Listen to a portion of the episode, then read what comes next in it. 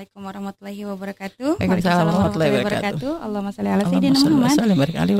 Uh, Umi izin bertanya untuk membayar fidyah orang tua saya yang tidak bisa berpuasa karena sudah tua. Ada yang bilang bayar fidyahnya setiap hari dan dibayarkan ke anak yatim. Apakah boleh dibayar di akhir Ramadan sekalian Umi dan berapakah ukuran fidyah yang harus dibayar untuk setiap puasa yang ditinggalkan? paling bagusnya kebaikan tuh kalau disegerakan ya. Uh -huh. Dan membayar fidyah ini bukan hanya kebaikan tapi ini adalah kewajiban. Yeah.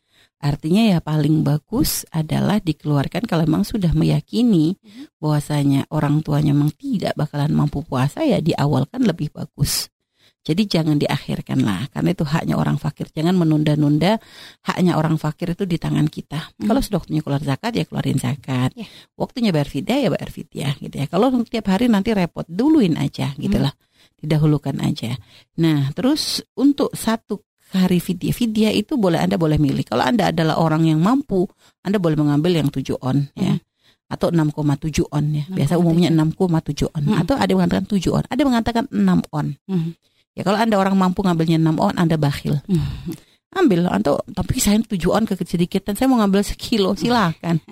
boleh aja tapi nggak dipaksain. Artinya itu pilihan. Artinya dari 6, 6,7 atau 7 on. Anda boleh milih. Hmm.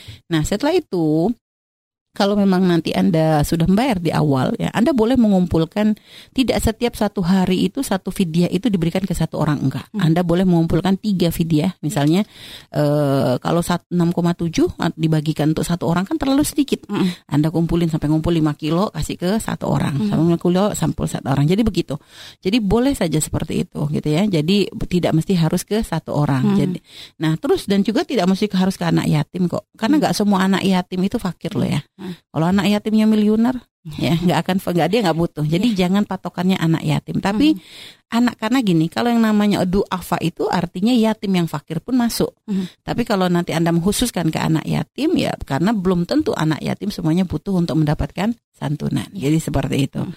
Maka berikan kepada orang yang membutuhkan yang ada di sekitar anda. Hmm. Jadi seperti itu ya. Jadi diawalkan itu lebih bagus. Hmm. Wallahu a'lam bishawab.